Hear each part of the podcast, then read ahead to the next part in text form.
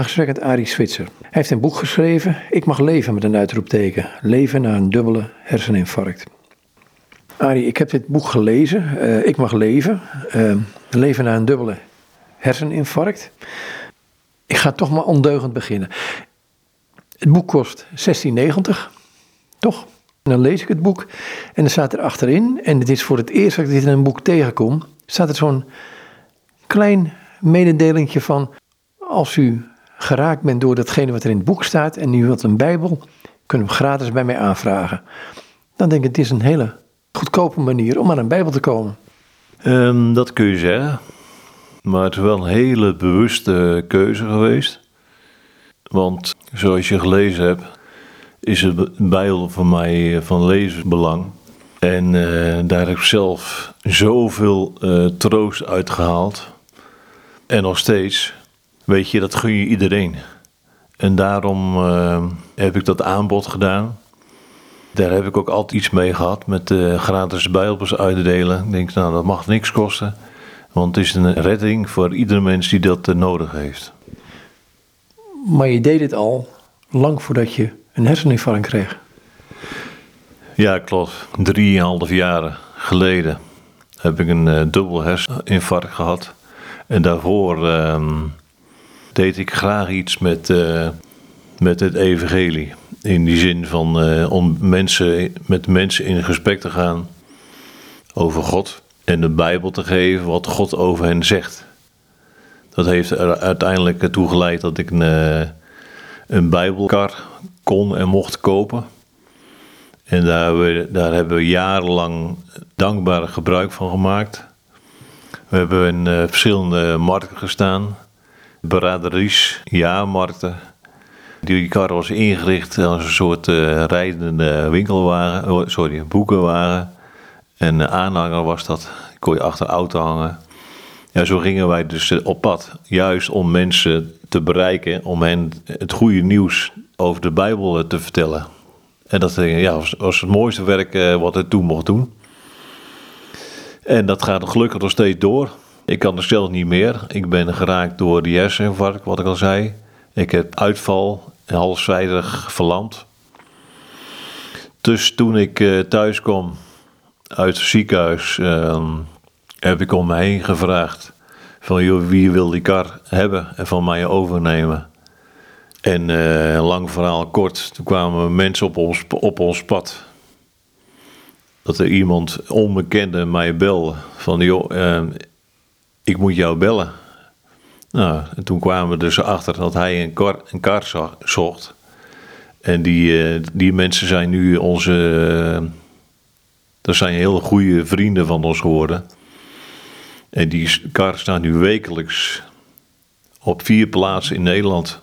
Daar zijn we super blij mee en dankbaar voor de Heer. Ja, heel fijn dit boek, Ik mag leven met een uitroepteken. Um, we zaten net even in een voorgesprek en toen werd de opmerking door je vrouw gemaakt van, ja, toen je op de IC lag, eigenlijk met weinig uitzicht, zei je, in ieder geval, ik wil een boek schrijven. Ja, iets, iets uh, zei mij, ik moet hier iets mee gaan doen. Want dit, dit is zo heftig, wat een mens al meemaakt met een hersen, herseninfarct. Ik wist heel goed dat ik uh, uitval had.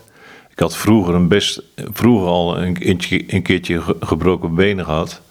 Dus ik, ik wist dat dat, wat, wat dat was.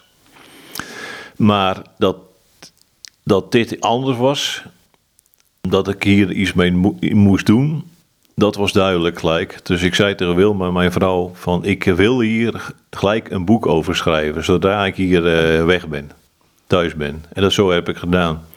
En dat boek is uh, eigenlijk bedoeld om... Uh, bestemd voor uh, lotgenoten die ook geraakt zijn door een herseninfarct, een hersenbloeding, TIA, partners, ouders, kinderen, familieleden, mensen uit de zorg.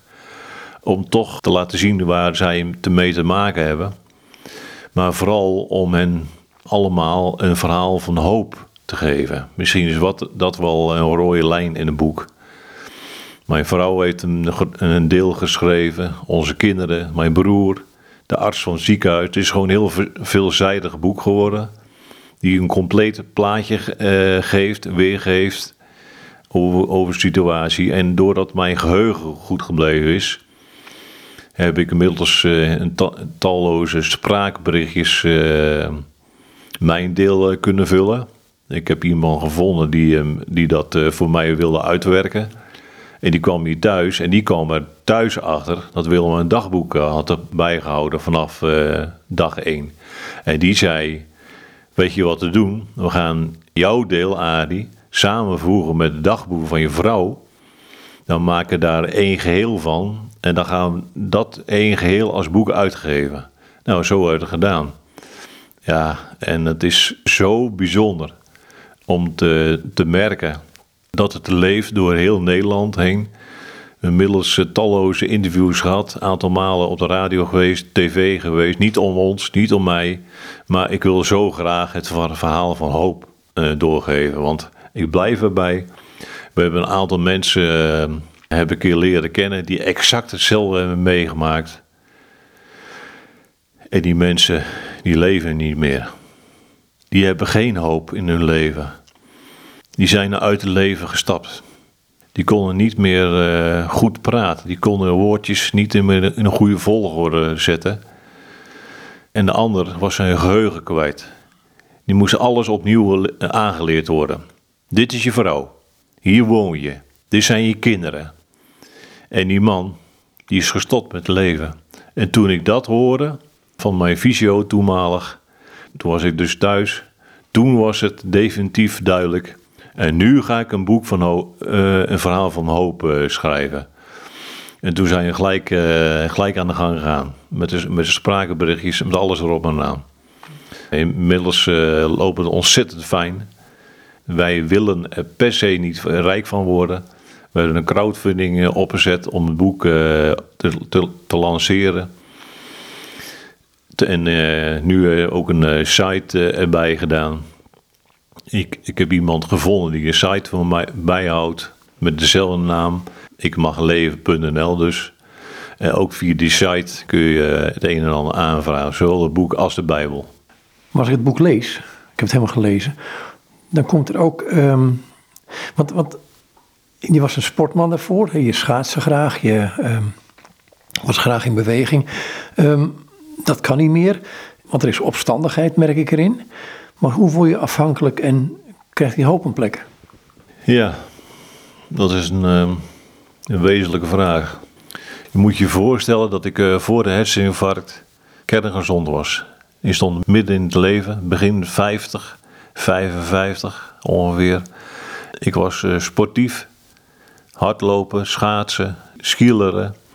Ik had inmiddels uh, twee keer een eh, halve marathon hard gelopen op strand door de duin heen. Aangepast uh, sportdieet, aantal malen maar sportschool hier in het dorp. Dus ja, weet je, alles uh, ging goed. Tot opeens, drie jaar geleden nu, dat er gebeurde dat ik dus morgens door een herseninfarct werd geraakt. Toen was mijn dochter nog thuis en de ambu naar het ziekenhuis gebracht. En daar kreeg ik s'avonds en twee eroverheen. Ja, toen was het dramatisch. Dusdanig dat ik naar de IC uh, moest gebracht worden. En volgens zeggen, want ik was helemaal buiten Westen. Volgens mijn vrouw heb ik daar op het randje van de dood gelegen. Ik had zomaar weg kunnen zijn. Mijn vrouw heeft toen gezegd, en dat uh, ga ik nu proberen uh, te herhalen. Ze zei toen later tegen mij: Ari, je lag toen zo slecht. God had jou zomaar thuis kunnen halen. Zomaar. Maar het feit dat je er nog bent, betekent dus, streep hieronder, dat God nog een taak voor jou heeft. En dat zinnetje heeft mij uh, bezig gehouden. Heeft mij ook hoop weer gegeven voor, uh, voor hier beneden. Om te zoeken welke taak God voor mij heeft. En tuurlijk is het dan uh, zoeken naar een weg, afscheid nemen van die dingen die je niet meer kunt. Je kunt niet meer sporten. Mijn werk kan ik niet, niet meer doen. Ik ben volledig afgekeurd. Motorrijden kan niet meer. Motor is verkocht. Weet je, al die dingen niet meer. Maar zoeken naar die dingen die je nou wel kunt. En toen heb ik bewust een knop omgezet. Ik kies nu voor dankbaarheid. Ik blijf niet hangen in die dingen die ik niet meer kan. Maar ik ga vol voor die dingen die ik nog wel kan. Die ga ik uitbouwen. Ging daar een crisismoment aan vooraf? Dan heb ik het niet over die herseninfarct, maar gewoon in, in de revalidatie. Ehm, we waren inmiddels thuis. Ik kan uh, één moment uh, herinneren dat ik uh, een beetje flink door, doorheen zat. En ik moest toen nog erg wennen aan mijn nieuwe omgeving, mijn nieuwe lichaam. Dat ik op één moment heb gezegd tegen Wilma, ik ben er klaar mee. Geef mij maar een spuitje. Want zo heb ik niks aan mezelf. En zo heb jij ook helemaal niks aan mij. We hebben een poosje zitten janken. We hebben samen gebeden. En Wilma heeft uiteraard niet de huisarts opgebeld voor een spuitje. Maar Wilma heeft een, uh, haar bijbeltje gepakt. En we hebben samen Psalm 23 voorgelezen. Waar dat vers staat. Zelfs al ga ik door een dal van diepe duisternis. Hij is bij mij. Nou, die avond was pikzwart. En we later, later hebben ervaren dat juist God erbij was die avond. En die, hij ging ook door. We hebben gebeden voor zijn aanwezigheid. En eh, als het zijn wil is, genezing. En s'nachts werd ik wakker. En toen begon mijn uh, been te tintelen. Heel bijzonder. Maar ik lag nog in bed en ik kon toen nog niet alleen uit bed komen. Dus ik moest wachten tot de mensen van de buurtzorg er waren. Ik zal het kort vertellen. Maar s'morgens stond ik op. En ik kon op mijn been staan. Wat ik voor die tijd niet kon. Ik kon een stukje lopen. En ik liep voor die vrouw van de buurtzorg langs. En die zei: Ja, Ari, je lopen gaat echt anders. Het is echt anders geworden. Dus weet je, ik zal niet zeggen, of ik kan niet zeggen dat God mij volledig gaat genezen, want simpel gezegd, ik weet niet wat zijn wil is in mijn leven. Maar het belangrijkste is, ik weet wel dat God erbij is. In mijn leven nu, ik bid elke dag of ik mag ervaren zijn nabijheid en zijn doel met mijn leven. Die dankbaarheid, hoe zou je die willen omschrijven voor jezelf? Want dat is een van de dingen die soms wel moeilijk is als je vanuit een hele sportieve situatie komt. Hebt een leuke baan en dan word je stilgezet. Um, er zal rouwverwerking bij komen. En hoe krijgt dankbaarheid daar een plek in, behalve het feit dat je daarvoor kiest? Of is dat het enige wat je kunt doen? Ik kan dat moment nog heel goed herinneren. Ik zat in die tijd veel te kijken naar uh, toespraken van mensen die mij uh, energie gaven. Die mij ook hielpen om verder te gaan. En op een moment kwam er een toespraak langs van uh, Otto de Bruyne. En die heeft zelf ook een moeilijke tijd gehad, in komen gelegen. En toen hij eruit kwam, deed hij iets wat mij raakte. Hij zei: Ik heb een beslissing genomen om te kiezen voor de dankbaarheid. Daar kies je voor. Hij noemde zelfs een uh, militaire beslissing. En dat heb ik ook gedaan. Ik zeg tegen Wilma: Dat ga ik ook doen. Ik wil bewust nu uit die hoek van de, waar het niet te willen inzitten, maar ik wil bewust kiezen voor dankbaarheid en die dingen en zien die ik wel kan doen en tot eer van God bezig zijn. Dat is echt een keuze, die, die kun je verstand, verstandelijk maken. Ja. Je zegt, je hebt heel veel gehad aan Wilma, je vrouw, en nog steeds. Um, mensen om je heen. Hoe belangrijk het is het dat er mensen om je heen zijn die in je geloven of gewoon met jou om blijven gaan? Ja, heel belangrijk. Wat ik al aangaf, Wilma als eerste, toen die avond, eh, dat zij, eh, terwijl ik er doorheen zat, als zij haar Bijbeltje pakt, Psalm 23 voorgelezen, de Heer is mijn herder, maar dan ook samen die troost mogen ervaren, dat God erbij is in de moeilijkste momenten, ja, dan, dan, dan is het gewoon zo belangrijk dat je mensen om je heen hebt die de Heer kennen. En ook onze kinderen, vrienden, Ja, oh ja, heel fijn. En we hebben ook daarna ook weer andere vrienden erbij gekregen uit andere gemeentes die dezelfde link hebben met geloof. We praten over de Heer thuis. En uiteindelijk is dat de basis. Dat je terug mag vallen op een God die jou lief heeft. Onvoorwaardelijk. Die tijd van, uh, je, je kunt een aantal dingen niet, uh, die vroeger wel kon. Je bent door een periode van rouw gegaan, lijkt het wel. Zeker. Het is ook rouwverwerking. Uh, je moet een aantal dingen afscheid nemen. Wat ik zei, je, je bent je baan kwijt. Ik had de mooiste baan die ik had. Ik zat in de uitvaart. Ik had er graag nog tot mijn pensioen willen volhouden. Maar het mocht niet zo zijn. Een aantal dingen moet je afscheid nemen. Tuurlijk is het e-, even slikken. Maar tegelijkertijd geeft het zo rust dat je een aantal dingen niet meer kunt. Je hoeft niet elke keer te solliciteren, het is gewoon klaar. En dat klinkt raar, maar het is gewoon klaar. En daarmee heb je opeens rust en tijd gekregen om om je heen te kijken. Wat ga ik nu doen? Dus in die zin eh, had ik, eh, had ik alle tijd en, en energie om mij volledig op het boek eh, te storten. Na aanleiding van het boek ben ik gevraagd om mijn getuigenis te vertellen aan groepen van mensen, conferenties. Nou, dat had ik natuurlijk daarvoor nooit kunnen doen. Er is natuurlijk wel iets gebeurd. En als je dan mag getuigen dat ook in de storm van je leven, je levensstorm, dat je toch mag ervaren dat God erbij is. Hoe donker die nacht ook is. Dan komen dus opeens nieuwe dingen op je pad. En daar ben ik blij mee. Wat zijn die nieuwe dingen?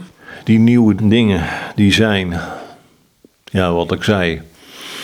We zijn natuurlijk uh, druk geweest om, uh, om het boek Ik Mag Leven weg te zetten in de markt. Daarna zijn we gaan uh, bouwen voor een site. Die is uitgebreid inmiddels. Op die site kun je ook een, een gratis Bijbel aanvragen. Dat kun je ook doneren. Want die Bijbels moeten natuurlijk ook zelf inkopen, hè, makkelijk zat. Dus als mensen op, het, op hun hart hebben om dit uh, project te steunen, nou, wees welkom op de site. Dus dat hebben we uitgebreid. De site is ook uitgebreid met, het een, met een sprekerverzoek. Doordat ik steeds va vaker gevraagd om uh, te, mogen spreken voor groepen. Ben laatst heb ik een, gastenles mogen geven aan een college van een klasje van zorgenmensen, waar de meiden en jongens de zorg in gaan. Dus ja, er komen steeds dingetjes bij. Ik mag lezingen geven, waar ik uh, een persoon uit de Bijbel samen ga behandelen met aanwezigen, die ook, net als ik, kunnen zeggen: Ik mag leven. Vorig jaar was dat de persoon van Lazarus. Die beste man was, werd ziek en die overleed. Maar Jezus heeft hen tot leven geroepen. Lazarus komt naar buiten. En als je ziet wat die man daarna heeft gedaan om de Heer Jezus te volgen, zelfs zo dat de Joden hem ook wilden doden, omdat hij over de Heer Jezus vertelde. En dit jaar hebben we gesproken over Barabbas, de persoon die eh, naast de Heer Jezus zou moeten sterven. Maar het volk werd gevraagd: wie wil je hebben? Zij Barabbas. Dus de Heer Jezus is eigenlijk in de plaats van Barabbas gestorven. En daarom kan Barabbas spreken: Ik mag leven. En dat mogen wij ook op, op ons persoonlijke leven toepassen. En dat heb ik ook gedaan in, die, in de lezingen. En als je dat zo mag bekijken, dat er genade is dat je mag leven. Wij leven in een vrij land gezondheid misschien iets minder. Wij mogen dagelijks ervaren dat God erbij is. We hebben eeuwig leven gekregen doordat God ons zo lief heeft gehad dat hij het, het enige wat hij had, hij had één zoon, Jezus, die heeft hij gegeven opdat wij niet verloren gaan, maar eeuwig leven zouden hebben. Eeuwig leven hier beneden, doordat wij hem kennen maar we mogen altijd doorleven. Ook na onze dood. Nou, als je daarover mag spreken, ja, dat is eh, fantastisch. Je zei net, ehm, je gaf ook een, een college gegeven voor mensen die zorg werken. Wat vertel je hun? Want uit het boek blijkt dat je um, op een gegeven moment ik was je best kritisch. Ook in de zin van, waarom luistert er niemand naar mij? Ja, klopt. Ik was kritisch en misschien zelfs een beetje boos in die tijd. Dat zeg je heel voorzichtig. Zeker. Maar ik was, ik was ook gewoon boos. Weet je, ik heb ervaren, dat gebeurt nou nog steeds bij mensen die mij niet kennen. Zij zien aan, aan mij aan de buitenkant een beperking. En ze denken dat ik daarmee geen gewoon mens ben. Ik, ik stelde je eerder ook de vraag van, denk jij zoals ik denk? En toen zei je, ja, waarom niet? Ik ben gewoon dezelfde gebleven als voor die tijd. Doordat mijn geheugen goed gebleven is, weet, weet ik nog exact wat mijn leven voor die tijd was. Weet je? Maar ik zie nog steeds, ervaar nog steeds dat mensen mij anders ervaren, anders tegen mij aankijken doordat ik een beperking heb. Dus ik werd destijds ook boos van praat niet over mij, maar praat met mij. En dat heb ik ook aan een klasje meegegeven. Jongens, als je straks een, mooie baan krijgt in de zorg, al die mensen die je gaat zien met een uh, met infarct, met herseninfarct of een hersenbloeding, met uitval, die misschien zelfs niet zo goed kunnen praten als ik, die mensen zijn niet debiel. Heb ik letterlijk gezegd. Die zijn gewoon normale mensen die verdienen jullie serieuze aandacht. Als je een serieuze vraag stelt, krijg je gewoon een normaal antwoord terug. Ja. Een ander punt is, ehm, je bent op een gegeven moment je, dan gebruik je het woord van, maatschappelijk was ik uitgerangeerd. Um, daar is een omkering gekomen. Hoe, hoe werkt zoiets? Want ik kan me voorstellen dat het, dat het een muur is waar je tegenop loopt op een gegeven moment. Ja, het is ook daarin een stukje uh, rouwverwerking. Het is uh, bewust onder de ogen zien dat je een aantal dingen niet meer kunt. En die acceptatie begint bij jezelf. Kijk, als je kijkt waar je vandaan komt, ik kon aan het begin helemaal niet praten. Ik kon niet staan, ik kon niet lopen. Maar inmiddels uh, kan ik al stukken beter. Maar daarmee moet je uiteindelijk accepteren dat je je oude leven niet meer kunt opnemen en dat je daar afscheid van moet nemen. Ik heb nog, nog best lang gedacht dat ik hem gewoon weer uh, mijn werk kon oppakken. Totdat uiteindelijk het kwartje valt. Ja, zo kan ik hier praten. ik was in, in aan het werk in de uitvaart. Ik leidde uitvaartdiensten. Ik van ja, zo kan het niet lopen joh. Voor een zaal met mensen in aula tijdens een uitvaart. En hoe loop je dan voor een, rouwauto uit? En hoe ga je dan met de nabestaan om? Nou, uiteindelijk valt er kwartje. En dan, eh, dan lucht het daadwerkelijk echt op. Dat je zegt van nou, er zit er gewoon niet in. Alle artsen zagen dat ook met mij. Arboarts, arts uit een ziekenhuis. Mijn manager, ikzelf. En toen zei van het is uit. Dit hoofdstuk is, uh, is klaar. En dan is het definitief afgekeurd. En uiteindelijk natuurlijk krijg je een briefje thuis waar zwart op wit op staat dat je voor een maatschappij niet meer geschikt bent voor enige functie. En dat ja, tuurlijk, zwart op wit, dat is eh, even, heftig. Denk van ja, aan de andere kant, het mag maar duidelijk zijn. Er zit geen grijs tussen, het is duidelijk, het geeft mij rust. Wat ik net zei, ik hoef niet elk jaar te solliciteren. Het is klaar. Ik krijg een uitkering van UWV. En ik kan uh, met alle liefde meepraten over uitvaart. Ik kan nog steeds mensen helpen als ze wensen hebben. Dus ik heb geen enkele rancune. Niks. Nee. Is het aspect van, want je was daarvoor was je een sportman. Dus je regelde dingen graag toch zelf, als ik je een beetje goed taxeer. En nou moeten de meeste dingen voor jou geregeld worden. Is dat, is dat een, een, een ommekeer die lastig is? Zeker. Het, het, was voor jou was het een vet accompli, maar goed. Ja, het was zeker lastig. Want waar je eerder alles zelf uh, regelde voor, voor anderen, maar waar je ook zelf voor je gevoel alle touwtjes in eigen hand had, ook voor je eigen leven, dan kom je daar te liggen waar alle dingen van jouw leven stilvallen. Waar je gewoon helemaal niks kunt. Ik heb daar niet alleen in het ziekenhuis en daarna toen het iets beter ging, werd ik overgebracht naar een revalidatiecentrum. Daar heb ik een aantal maanden gelegen. Daar kon ik ook helemaal niks in het begin. Alleen maar liggen. Ik kon uh, geen prikkels hebben. Gordijnen zaten dicht. Het personeel liep uh, op uh, schoentjes met zachte scholen. Geen geluid, geen licht. En gaandeweg heb in de gaten. Hier is iets meer aan de hand. Uiteindelijk valt ook daar het kwartje. Ik kan niks meer zelf. Ik ben van alles, van iedereen afhankelijk. Wil je naar de wc, moet je een knopje drukken. Komt iemand jou helpen. Douchen, eten, alles. Ja, dat is heftig aan het begin. Er waren ook mensen weer het voor jou gingen invullen.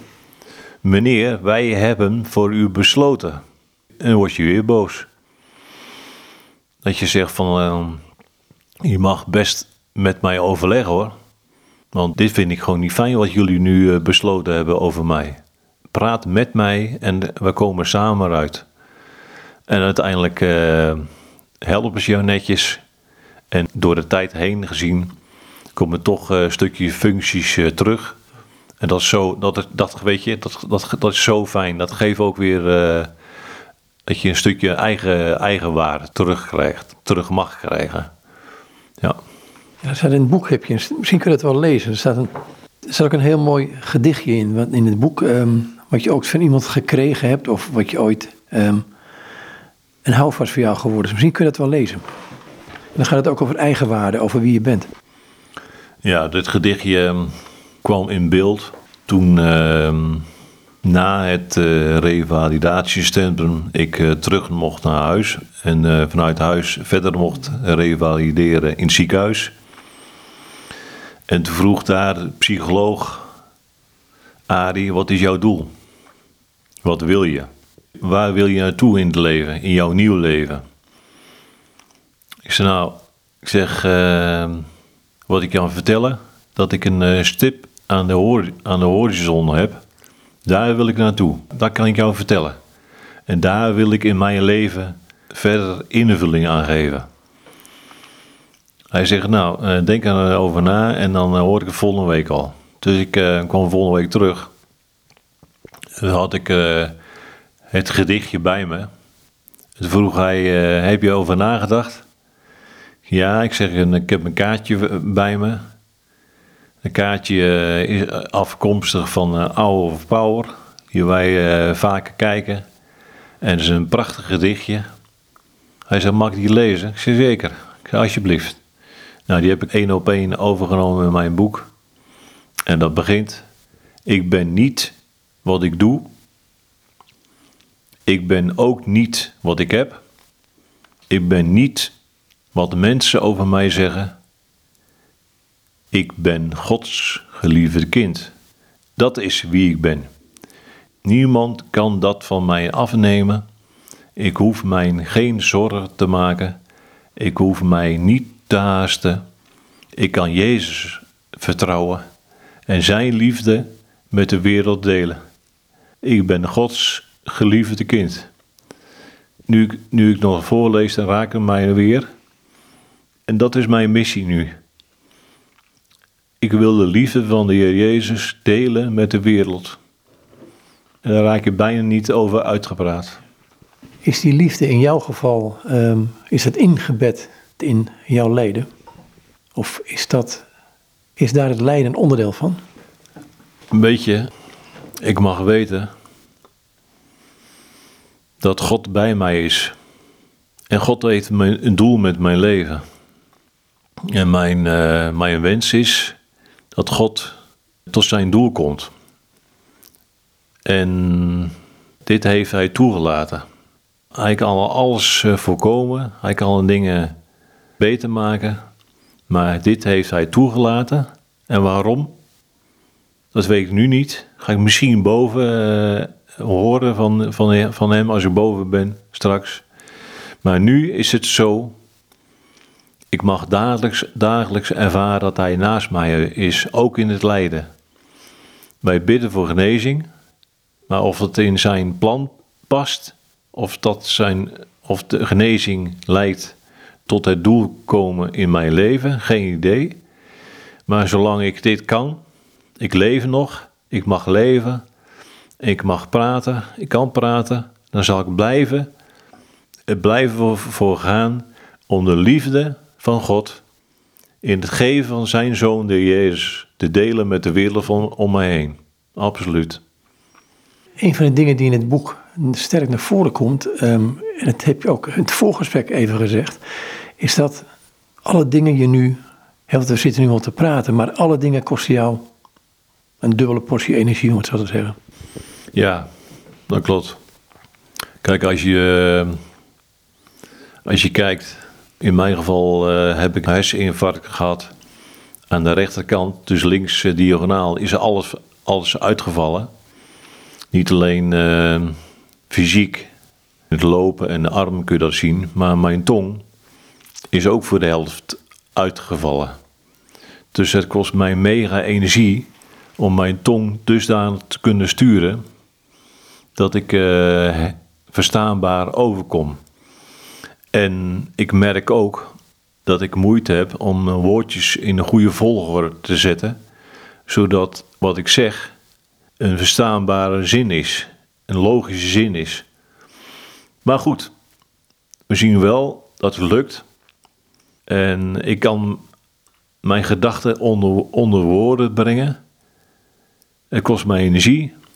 Na ons gesprek zal ik waarschijnlijk een uurtje moeten liggen en slapen. Maar dat, dat is mij alles waard om mijn verhaal van, van hoop te kunnen vertellen. Nou had je hier een aantal dingen klaargelegd. Je hebt een Bijbel liggen, je hebt hier een geestelijke liederen liggen en een artikel waar ik Henk Binnendijk zie staan. Waarom dat artikel met Henk Binnendijk, als we daar eens beginnen? Henk Binnendijk, die ken ik al ruime tijd. En uh, subtitel van mijn boek is Genade is genoeg.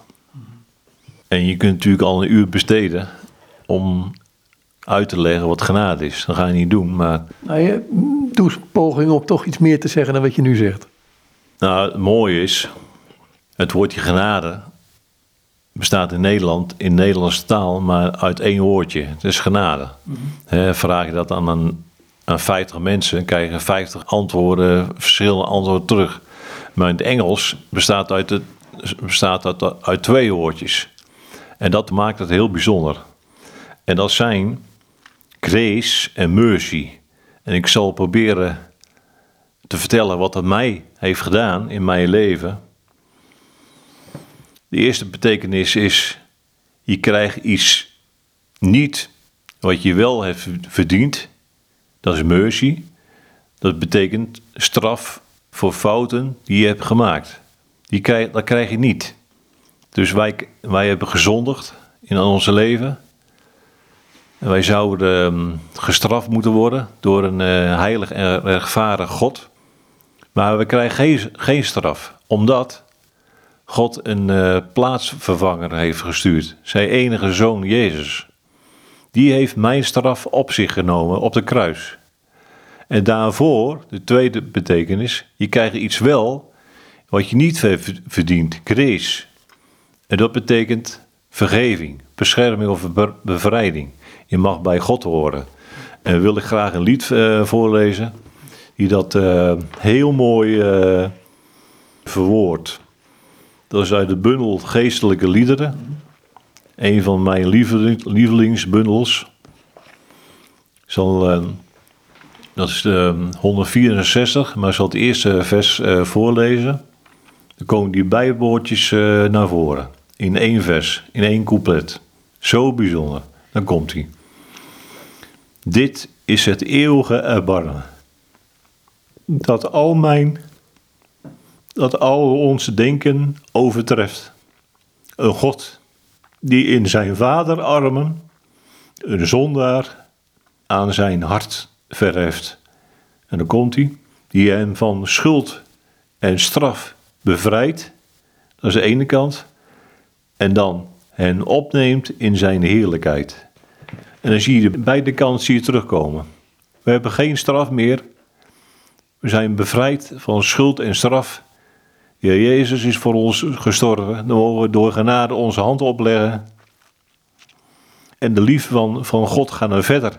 We zijn niet alleen bevrijd van schuld en straf, maar worden tegelijkertijd opgenomen in zijn heerlijkheid. Dus we krijgen iets wat wij niet verdiend hebben. Die twee bij elkaar, ja, zo bijzonder. Om dat voor een waarheid in mijn leven te, te ervaren. En dat gun je iedereen. Vandaar ook je koppeling met de Bijbel. Dit is natuurlijk een letterlijk uh, citaat van uh, Johannes de 3, vers 16. Alzo lief had God de wereld, dat hij zijn enige zoon heeft gegeven. Opdat iedereen die in hem gelooft niet verloren gaat, maar eeuwig leven krijgt. Ja, prachtig. Prachtig. Als, je, als ik nu zie dat het mij nog steeds raakt. Het is zomaar om niet gratis te krijgen, dan gun je dat iedereen. Echt waar.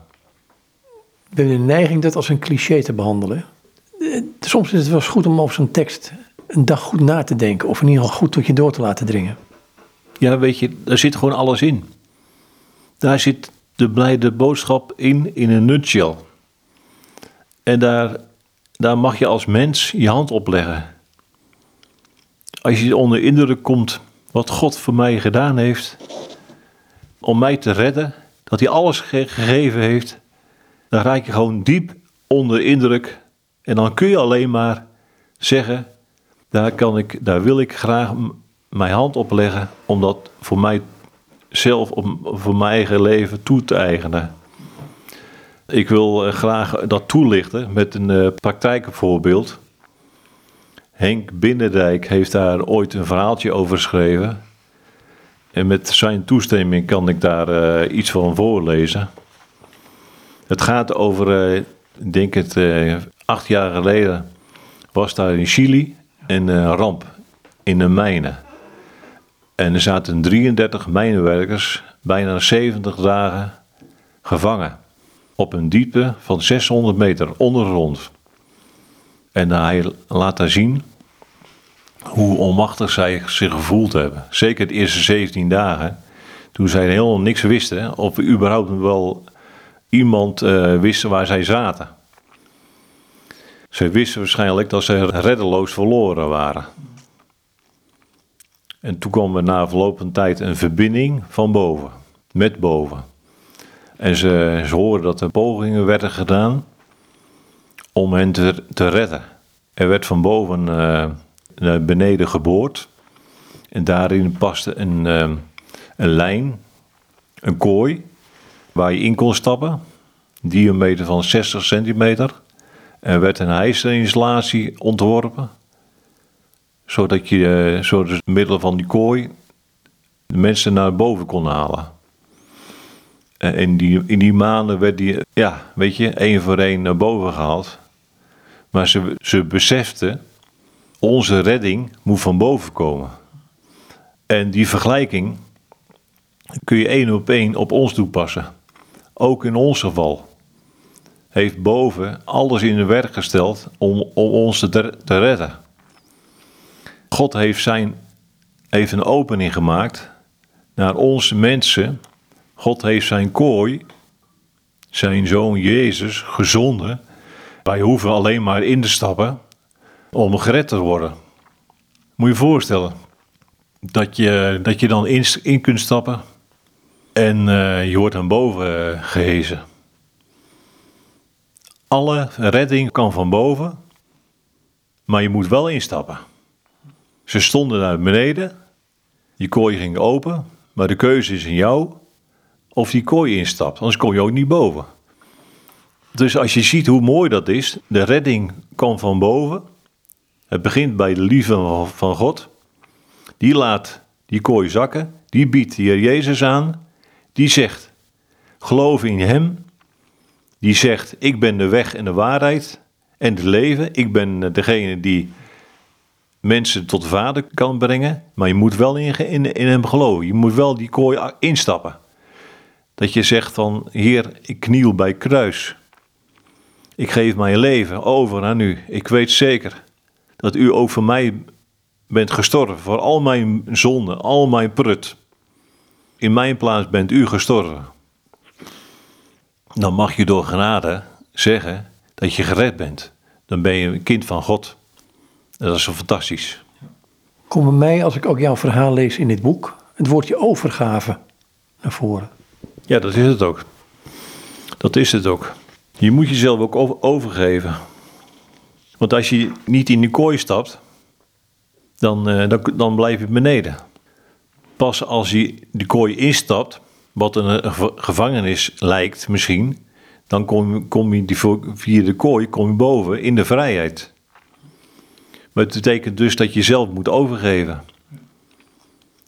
En er is ooit een, eh, ik denk aan een bekend lied, Neem mijn leven. Je moet je jezelf helemaal overgeven. Je moet echt bij het kruis staan en omhoog kijken in het besef dat jij daar eigenlijk had moeten hangen. Ik had moeten hangen voor mijn zonde, de straf die ik verdiend had.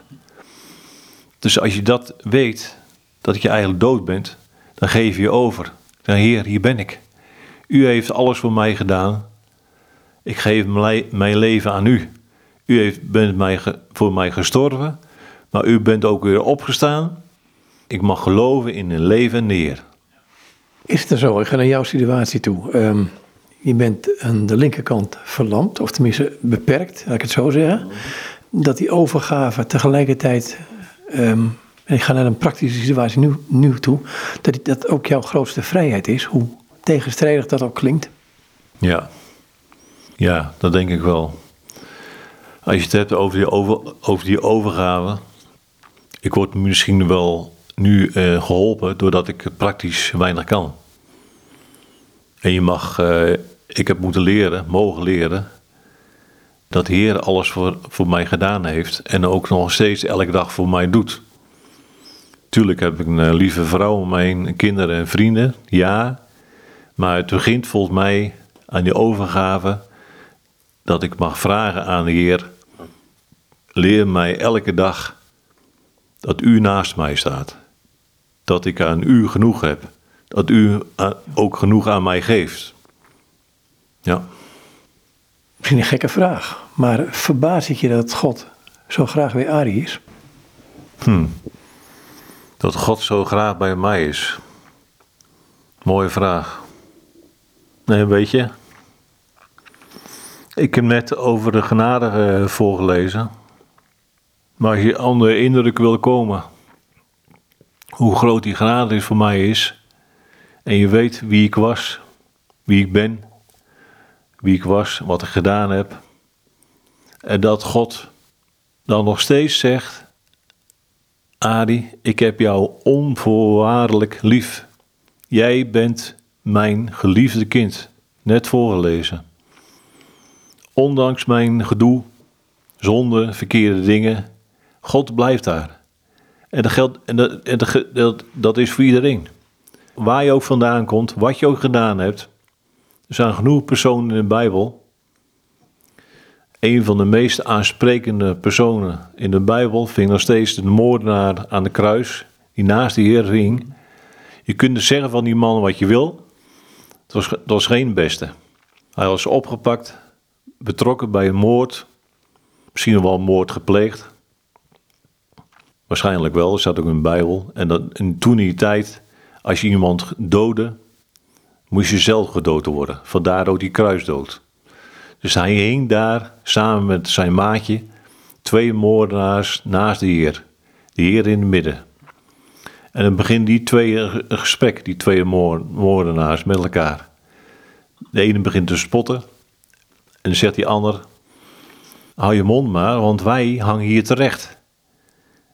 Onze straf is wat wij gedaan hebben. Maar deze, en dan wijst hij op de, op de Heer, deze hangt hier terwijl hij niks gedaan heeft. En dan zegt hij: Heer, denk aan mij als u in een koninkrijk bent. En als je dan eens hoort wat de Heer op dat moment zegt, dan draait hij misschien zich om tot die man. Heden zul je met mij in het paradijs zijn. De Heer wist natuurlijk al dat hij zou sterven, vrijwillig. Maar hij geeft in het ultieme moment, moment een genade aanbod aan de moordenaar. De moordenaar heeft zijn leven aan hem gegeven, denk aan mij. En de Heer zegt, zult met mij in het paradijs zijn. Dus vijf voor twaalf heeft de moordenaar nog zijn leven aan de Heer gegeven. En uh, ja, op dat randje, op dat randje van een dood, letterlijk, ja. Je hebt het artikel van Henk Bielendijk, je over gezegd. Je eigen boek, daar hebben we genoeg over gepraat. Maar je hebt ook een bijbeltje leggen, die wilde je bij, erbij hebben in dit gesprek. Waarom? Ja, um, weet je, de bijbel is niet zomaar een boek voor mij. Het is gewoon uh, een leidraad in mijn leven en ook een hoop en troost voor momenten waar ik, moeilijk, waar ik het moeilijk heb. Met name wat de Heer Jezus voor mij gedaan heeft, daar sluit ik, sluit ik ook mee af in het boek. Als je weet dat iemand voor jou gestorven is en opgestaan is, dat betekent dat hij opgestaan is uit de dood. En als je dat gelooft, dat betekent dat voor jou de dood niks meer zegt. Ik ben ook niet bang voor de dood. Ik heb vaak gezegd in het verleden: de dood is een boodschapper die mij uit het huidige leven overbrengt naar het eeuwige leven. Van het, wat het leven wat eeuwig duurt. Als je dat mag geloven, dat Jezus overwinnaar is, die is opgestaan uit de dood.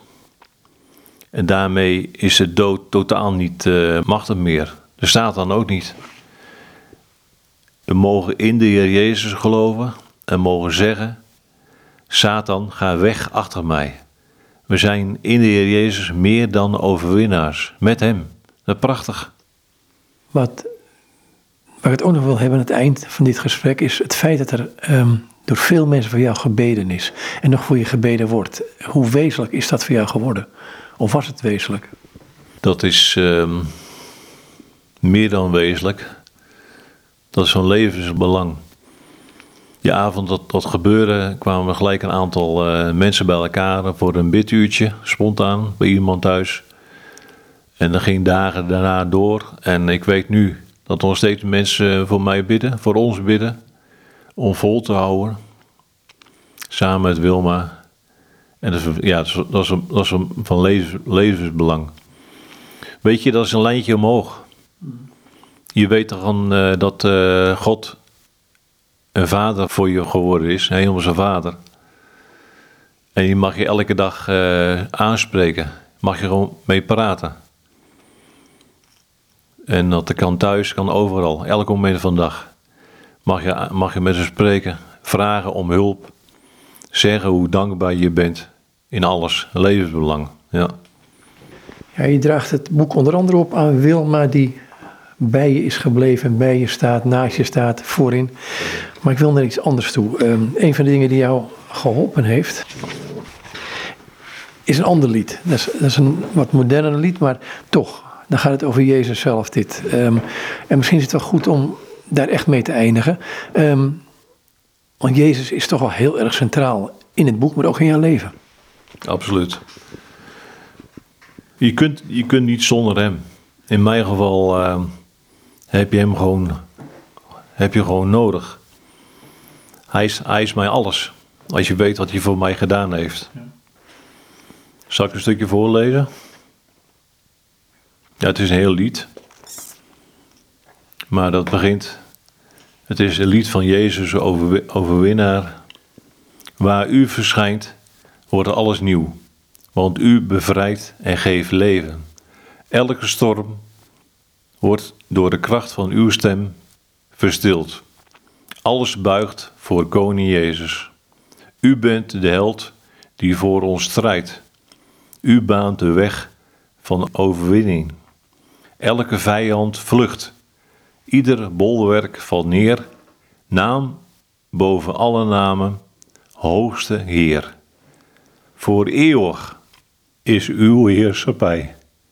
Uw troon staat onwankelbaar. Ongeëvenare kracht ligt in uw grote naam, Jezus overwinnaar. De duisternis ligt op door u.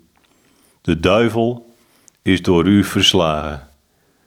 Dood, waar is je macht? Waar is je prikkel gebleven? Jezus leeft en ik zal leven. De schepping knielt in diepst ontzag. De hemel juicht voor onze koning. En de machten van de hel weten wie er regeert. Naam boven alle namen. Hoogste Heer, voor eeuwig is uw heerschappij. Uw troon staat onwankelbaar. Ongeëvenare kracht ligt in uw grote naam. Jezus overwinnaar, voor eeuwig is uw heerschappij. Uw troon staat onwankelbaar. Ongeëvenare kracht ligt in uw grote naam. Jezus overwinnaar, naam boven alle namen. Als, als ik dit hoor lezen, denk ik, ja, mooier kan het niet, hè? En tegelijkertijd, als ik naar je kijk, denk ik, hoe kijk jij straks naar de hemel als je bij hem bent? Een nieuw lichaam? Ja, weet je, ik denk dat het één aspect is. Maar mijn lichaam valt eh, in het niet bij het feit dat ik hem zal zien. Ik kom hem tegen en ik weet niet wat er dan gebeurt. Alleen hij zal mij tegemoet komen. Dat kan elk moment gebeuren nu, staat duidelijk in Gods woord. De hemel kan nu boven ons open gaan, dat hij ons kan ophalen. En wij gaan hem tegemoet in de lucht. En zo zullen wij altijd, voor altijd bij hem zijn. 1 Thessalonicense brief. Weet je, het gaat, het gaat helemaal niet om, om, ons. Welk lichaam ook, het gaat om men. Hij is het waard om voor altijd aanbeden te worden. Om van ons alle lof en dank te krijgen. En daar, kijk, ik, daar kijk ik naar uit. Want als, als wij bij hem zijn, ja, dan, dan is het een feest zonder einde. Er komt nooit een einde aan, tot in alle eeuwigheid. Heel bijzonder. En daar kijk ik naar uit. Voor hem. Hey, dank je voor dit gesprek. Alsjeblieft. En dit is Arie Switzer. En ik sprak met hem op basis van het boek Ik mag leven, met een uitroepteken, leven na een dubbele herseninfarct. Het is een uitgave van uitgeverij Trippelboeken in Aalten. Ze hebben een website www.trippelboeken.nl. Arie heeft ook zelf een website www.ikmagleven.nl. Daarop kunt u ook een gratis Bijbel bestellen. Ik zeg het maar even, maar je kunt ook doneren, geen probleem. Goed, nogmaals dus, tot zover dit gesprek met Arie Switzer.